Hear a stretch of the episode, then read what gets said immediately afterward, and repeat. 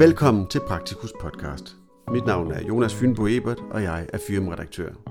Denne podcast er en oplæsning af artiklen med titlen Fyrumklummen. Jeg vil søge mine kundskaber fremdeles udvidet.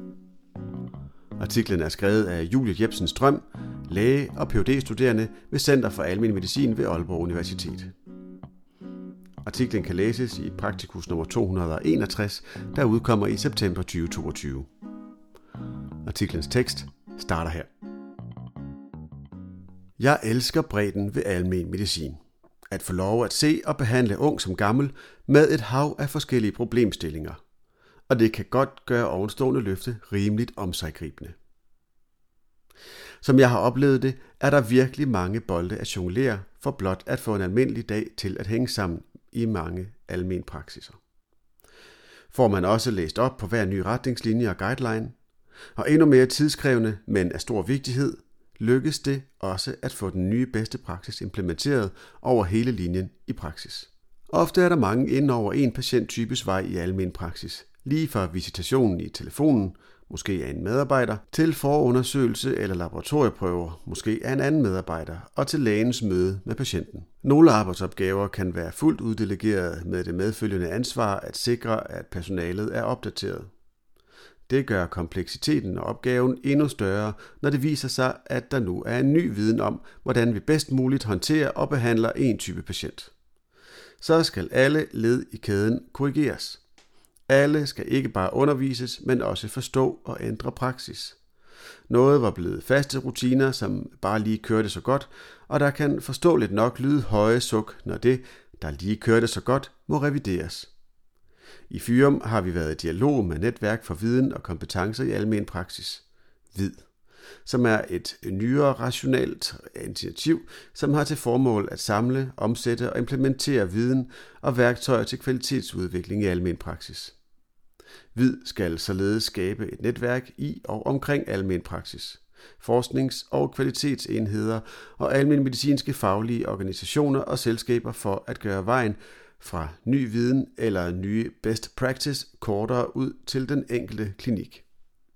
Jeg er spændt på at følge det arbejde, og jeg er glad for, at de også tager Fyrums tanker og forslag i betragtning. For som jeg ser det, kan vi som uddannelseslærer være aktivt med at give en hjælpende hånd i det lidt svære led at få ny viden helt ud at leve i praksis. I det øjeblik, hvor vi som nybagte læger forlader medicinstudiet, ofte endda inden, er en del af vores viden allerede forældet. Hvor og hvordan jeg mest effektivt søger min viden om netop det almindelige medicinske opdateret, ser jeg som vigtigt at få mig selv lært under min speciallægeuddannelse. Inden min hjerne også skal brydes med at fikse dagens telefonnedbrud, mus og indkøb af et nyt hævesænkebord.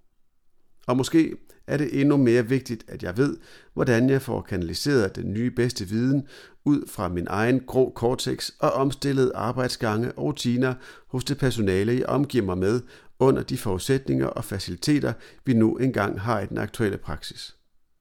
Som uddannelseslæger har vi mulighed for at stille os selv den udfordring i hver ny almen praksis, vi kommer forbi på vores uddannelsesvej. Det vil både ruste og uddanne os, og i mine øjne være et aktiv for hver en praksis, vi arbejder i. Der er absolut mange gode kilder til og måder at holde sig selv og sit team opdateret. Jeg er heldig at være med i den arbejdsgruppe, der lige nu arbejder på at opdatere DSM's vejledning om diagnostik og behandling af luftvejsinfektioner i almen praksis. Det er et spændende arbejde, Arbejdsgrupperne omkring DSM's vejledninger har gjort benarbejdet med ny litteratursøgning, så man ikke lige kaster sig over i dagligdagen. Grundige overvejelser om evidensen og om tyngden af det, og dygtige praktiserende læger er med til at sørge for, at indholdet er enormt praksisrelevant. Og der er en række opdateringer og nye vejledninger på vej. Uden at det skal blive for meget ananas i egen juice, kan disse, vores egne vejledninger og faktaark, være et udmærket sted at starte, hvis man på sikker og effektiv vis vil have fagligt solid og praksisrelevant vejledning. Under læsningen falder man måske over en ting eller to, som kan optimeres i egen praksis, eller måske skal uddannelseslægen have denne udfordring. Artiklens tekst slutter her. Artiklen kan læses i Praktikus nummer 261, der udkommer i september 2022.